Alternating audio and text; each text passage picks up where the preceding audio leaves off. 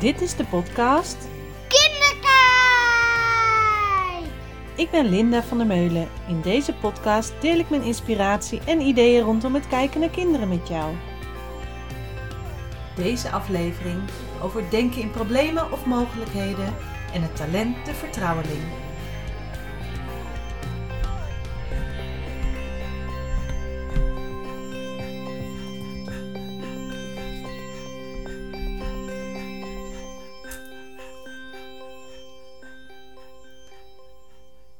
Welkom bij weer een nieuwe aflevering van Kinderkijk de podcast.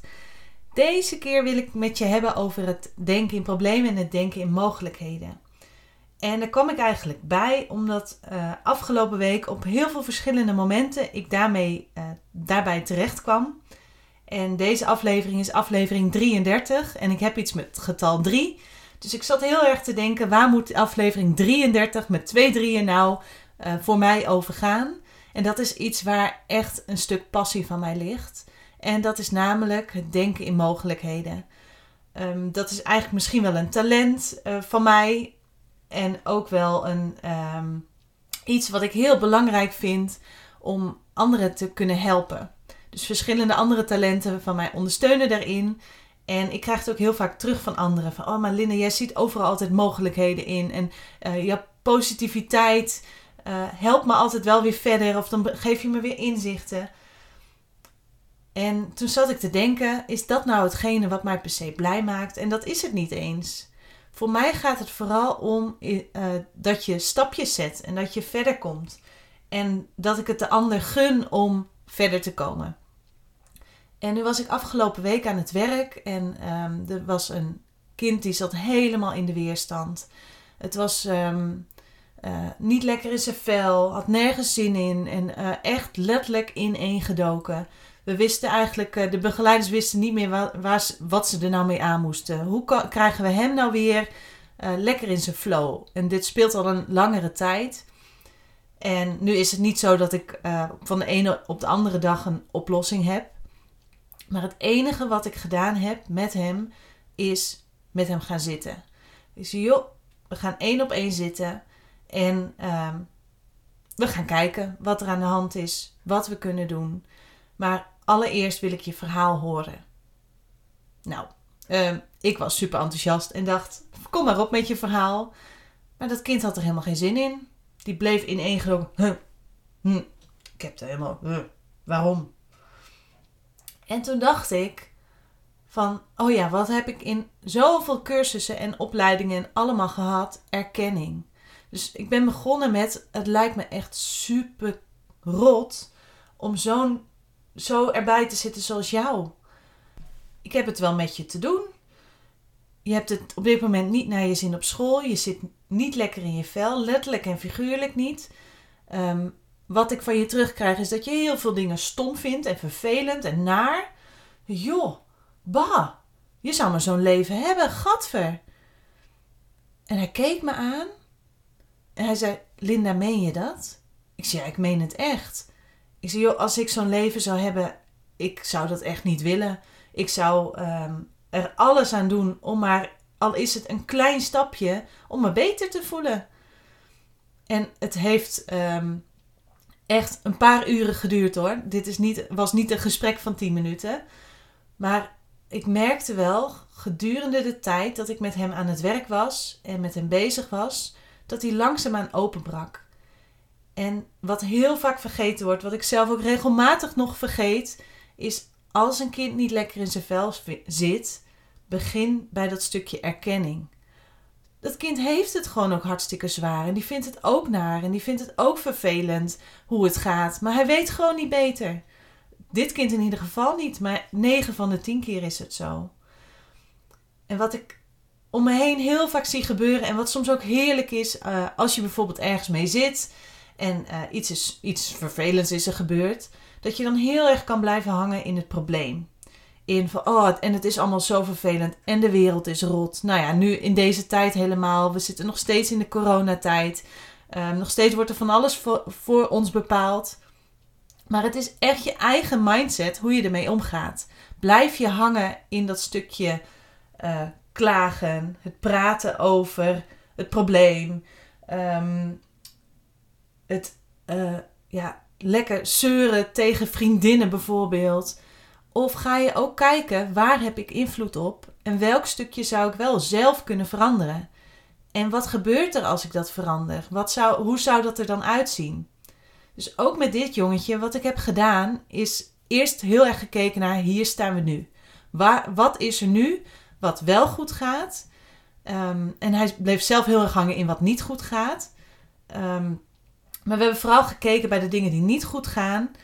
Wat zou je daar graag dan anders in zien? Dus ik heb een, een lijn getekend. Ik had een A4'tje gepakt, gewoon een wit A4'tje, een lijn opgetekend en opgeschreven nu. En daar schreef ik alle dingen op die er nu uh, goed gaan. Dus ik stond vooral stil bij wat dan wel. Nou, hij wilde heel erg ook dat negatieve, dus ik heb een ander briefje gepakt met alle punten wat hij graag anders zou willen. En toen zei ik van, goh, als we nou hier staan en we zijn letterlijk even gaan staan, waar is dan dat punt van als ik me wel fijn voel? Nou, toen we stonden was het echt een heel punt verderop. Hij zei, joh, dat is uh, eh, 10.000 kilometer verder.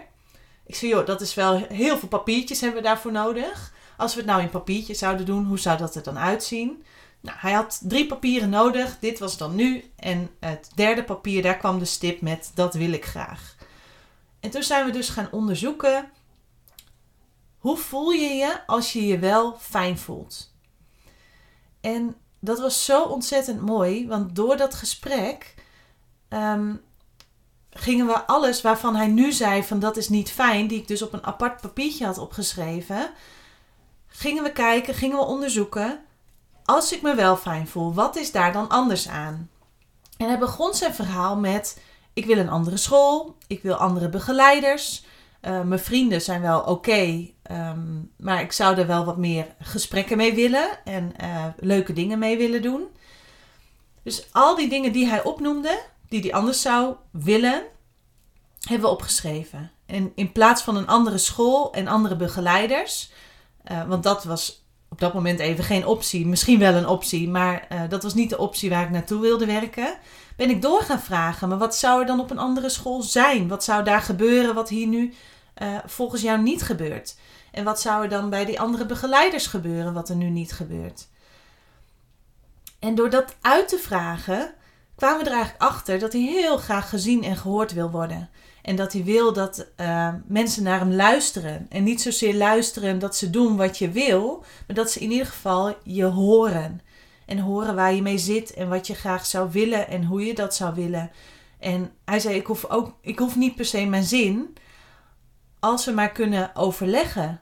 En dat vond ik zo fantastisch van de jongen die dus in die ochtend vol weerstand um, nou ja, ineengedoken zat, zag ik aan het eind van de dag een jongen die rechtop zat, straalde, zin had in de dag. En het mooiste compliment wat ik kon krijgen was, uh, voor hem, wat ik hem heel erg gun, is dat hij aan het eind van de dag zei: Linda, eigenlijk voel ik me nu op dit moment al zo als die stip van als ik me fijn voel.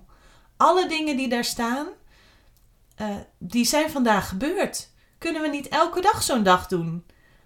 Nou ja, dat is natuurlijk super intensief, want dit jongetje was echt compleet vastgelopen. Daarom moest ik daar die dag in investeren. Dat kan niet zomaar elke dag. Maar dat was zo'n compliment dat hij eindelijk het gevoel had gezien en gehoord te worden. En hij was eindelijk in plaats van het denken met de zwarte bril, zeg maar, hadden we met de roze bril gekeken van wat nou als en hoe zou dat er dan uitzien en um, wat zouden we kunnen veranderen? Waar heb je zelf invloed op? Nou, nu moet de uitwerking nog. We hebben nu het plan gemaakt en afspraken gemaakt. Ook gedeeld met de begeleiders, met de leerkracht van zijn groep. Maandag komt pas echt de uitvoering. Dus ik ben heel benieuwd wat voor weekend hij heeft gehad en hoe het in de praktijk uh, eruit gaat zien. Maar ik ben gewoon super trots. En dit is één van de voorbeelden van de dingen die ik dagelijks meemaak, dagelijks doe. En dat is vooral het denken in oplossingen. Dus in plaats van vragen te stellen, um, wat is er dan aan de hand en wat maakt het dan zo zwaar, is dat je meer vragen stelt van wat zou je graag willen en wat zou er anders moeten zijn. Nou, misschien hoor je het wel in de vraag al. Het ene gaat heel erg in op het probleem en uh, hoe zwaar en hoe moeilijk het probleem is. En de ander denkt meer in oplossingen. Ehm, nu zeggen ze wel eens dat het karakter is. Maar ik geloof heel erg dat je dit ook kan aanleren. Door er al bewust van te zijn van hé, hey, richt ik me op, de op het probleem of richt ik me op de oplossing. En wat ik merk is door dit eigenlijk al jaren onbewust te doen. En nu eigenlijk het afgelopen half jaar denk ik heel bewust um, hiervoor te kiezen. En als ik mezelf betrap op probleemdenken, dan ben ik er de, bewust van. Ehm, helpt het mij om heel anders in het leven te staan. Qua mindset, qua omgaan met andere mensen, qua ehm, keuzes die ik maak. Vooral denk in waar heb ik wel invloed op, wat lukt nog wel. En vooral in deze tijd waarop de wereld op zijn kop staat, dat ik ook keuzes maak die goed voelen en dingen doen die nog wel kunnen en wel lukken en uh, waar ik me goed bij voel. Dus daar wil ik je heel graag mee inspireren. Zoek de mogelijkheden, zoek de oplossingen. En als je het echt even helemaal zwart ziet, um, je mag me altijd eens bellen. Ik zie, nou ja, um, gewoon vrijblijvend om eens mee te denken van hoe het nog anders kan, hoe het. Uh, en ik geef jou namelijk niet de antwoorden. De antwoorden zitten al in jou. Ik stel alleen de vragen die jou verder kunnen helpen. Nou, nu ben ik ook de afgelopen tijd ook heel erg aan het puzzelen geweest met mezelf. Van goh, uh, wat zou ik nou willen? Waar richt ik me op? En dat heeft ook ervoor gezorgd dat ik uh, qua werk ook keuzes aan het maken ben. En het is nog niet helemaal rond van welke kant het op gaat. Maar ik merk dat ik daardoor de laatste tijd ook heel veel mooie kansen krijg. En dat is het tweede effect. Dus als je van een probleem gaat kijken in oplossingen, dan werk je eigenlijk altijd naar een doel toe. Dus denk eens voor jezelf na, wat wil ik bereiken en welk doel wil ik bereiken? En voor de ene, als je het kijkt bijvoorbeeld voor je thuissituatie, is het uh, rust in het gezin. Voor de ander is het een uh, balans tussen werk en privé. Voor de ander is het doel, ik wil, um, ik ben ambitieus, ik wil iets bereiken in de wereld. Dus ga eens even stilstaan bij wat is je doel? Waar werk je naartoe? En kijk dan eens naar welk klein stapje zou ik kunnen zetten naar dat doel. En soms zijn het echt hele mini-mini stapjes dat je denkt van nou, uh, zet dit nou zoden aan de dijk. Maar het letterlijk in beweging komen, dat doet zoveel. Um, dat je eigenlijk onvoorstelbaar veel resultaat bereikt door elke dag een klein stapje te zetten. En ook wel elke, een week lang elke dag hetzelfde kleine stapje te zetten. En ik vind dat zo fascinerend dat ik dat nu heb ontdekt en dat ik daarmee um, ja, aan de slag mag gaan. En de achterliggende theorie achter mijn um, manier van werken is het oplossingsgericht werken. Of het oplossingsgericht coachen kun je ook wel uh, heel veel over vinden. En dat gaat er heel erg over dat er altijd verandering is. Er zijn altijd kleine stapjes die veranderen. Niks is voor eeuwig, niks is voor altijd.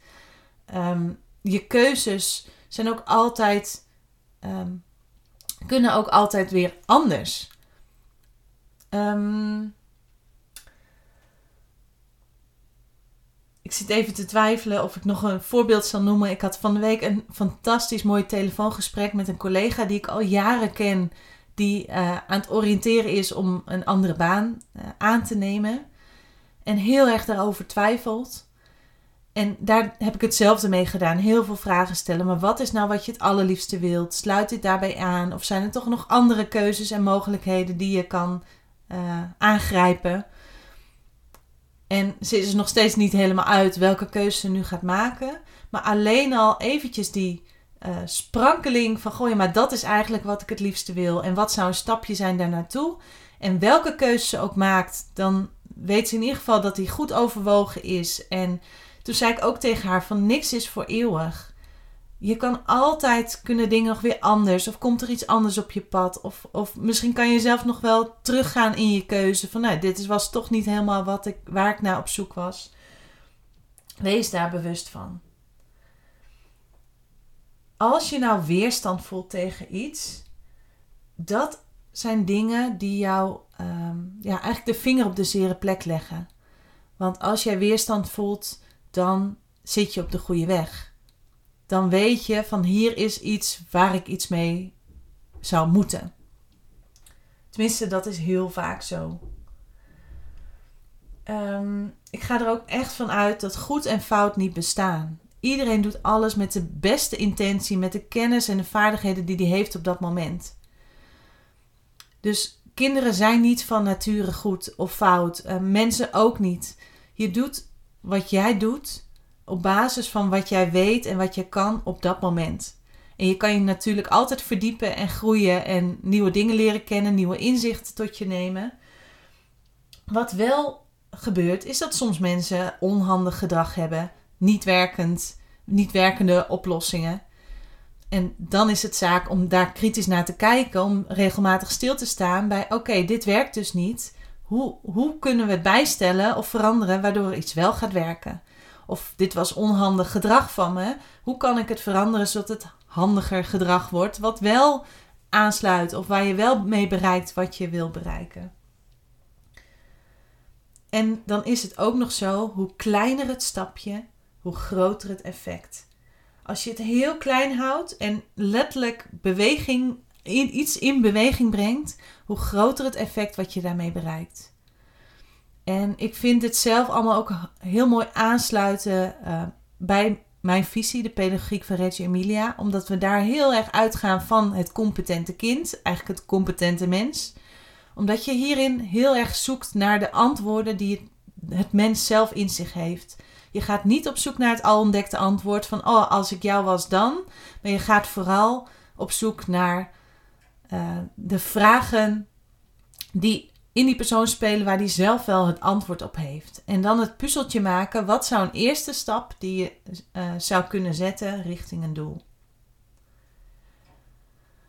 Nou, ik hoop dat je hier wat inzicht hebt gekregen in uh, het werk wat ik doe. Dus waar ik echt ontzettend veel energie van krijg, is zulke mooie gesprekken voeren met mensen.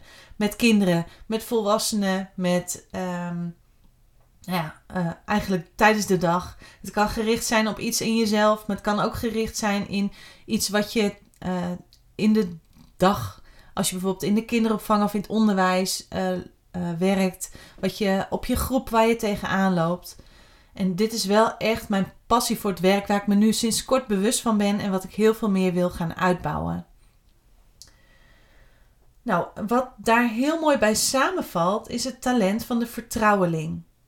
Want als je je daarin herkent, dan, uh, het woord zegt het al, dan voelen mensen zich snel bij jou vertrouwd. En dat komt omdat jij vaak dan ook houdt van goede gesprekken voeren. En dat die gesprekken in je hoofd blijven hangen. Dat je uh, graag praat met anderen over gevoelens, over wat hen bezighoudt. En dat je daar ook heel goed naar kan luisteren. Dat anderen zich veilig voelen bij jou.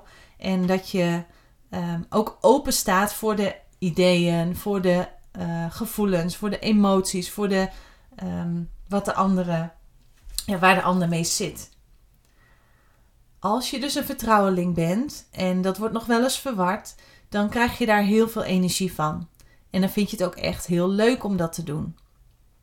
Sommige mensen die um, hebben vooral de competentie van de vertrouweling. Dus mensen voelen zich heel goed bij je en die vertellen, uh, gooien alles bij je overboord. Zo voelt het voor zulke, voor, voor als het je competentie is.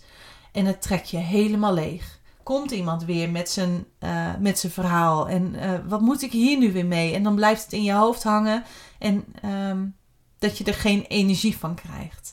Dus dat is even een goede check. Als je je hierin herkent, als mensen heel snel bij je komen met hun verhaal en dat je ook wel graag ernaar luistert, um, krijg je daar energie van of niet? Dus is het je talent of is het een competentie?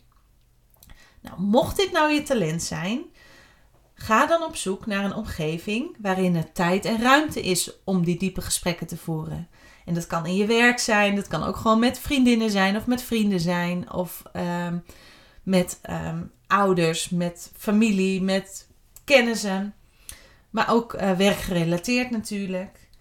En vaak voelen vertrouwelingen zich goed op een plek waar het belangrijk is dat mensen goed in hun vel zitten of waarin je daaraan kan bijdragen. Dus door die gesprekken te voeren, dat je anderen verder kan helpen. Um, de vertrouweling kan soms daar ook wel in blijven hangen. Dus dat je ehm, heel veel gefocust bent op um, waar anderen mee zitten. En het luisteren betekent niet dat je ook de problemen van de ander moet oplossen. Hou het bij de ander. En dat is wel mijn grootste feedback ook die ik gekregen heb uh, een paar maanden geleden tijdens een cursus oplossingsgericht werken. Dat ik letterlijk in de vooruit ging. En toen zei die uh, coach ook, Linda, ga letterlijk achterover hangen. Stel je vragen en vertrouw erop dat de ander het antwoord in zich heeft. En daar ben ik zo in gegroeid nu, door daar bewust van te zijn, dat als ik in de vooruit ga, dus letterlijk uh, naar voren in een actiestand kom, dan weet ik van, oh ja, ik moet even achterover hangen. En tijdens dat gesprek met dat jongetje voelde ik het op een gegeven moment ook gebeuren, dat ik helemaal naar voren ging. En toen ben ik letterlijk achterover in de stoel gaan hangen. Echt zo van. En toen heb ik gezegd: Goh, laten we nog eens even nadenken. Wat zou je nou het aller, aller, allerliefste willen? En toen kwam hij met zulke mooie antwoorden dat ik denk van, ik hoef echt dat al ontdekte antwoord niet te geven. Het zit echt in de ander. Wat ook wel eens helpt voor de vertrouweling is dat ehm, sporten of een hobby ehm, letterlijk bezig zijn met je lijf, dus niet alleen maar met je hoofd, dat er ook minder ruimte is om op dat moment met je hoofd heel erg na te denken, er ook kan ondersteunen in dat je niet gaat malen en piekeren. Dus letterlijk het met je lijf uh, verwerken kan heel erg helpen daarin.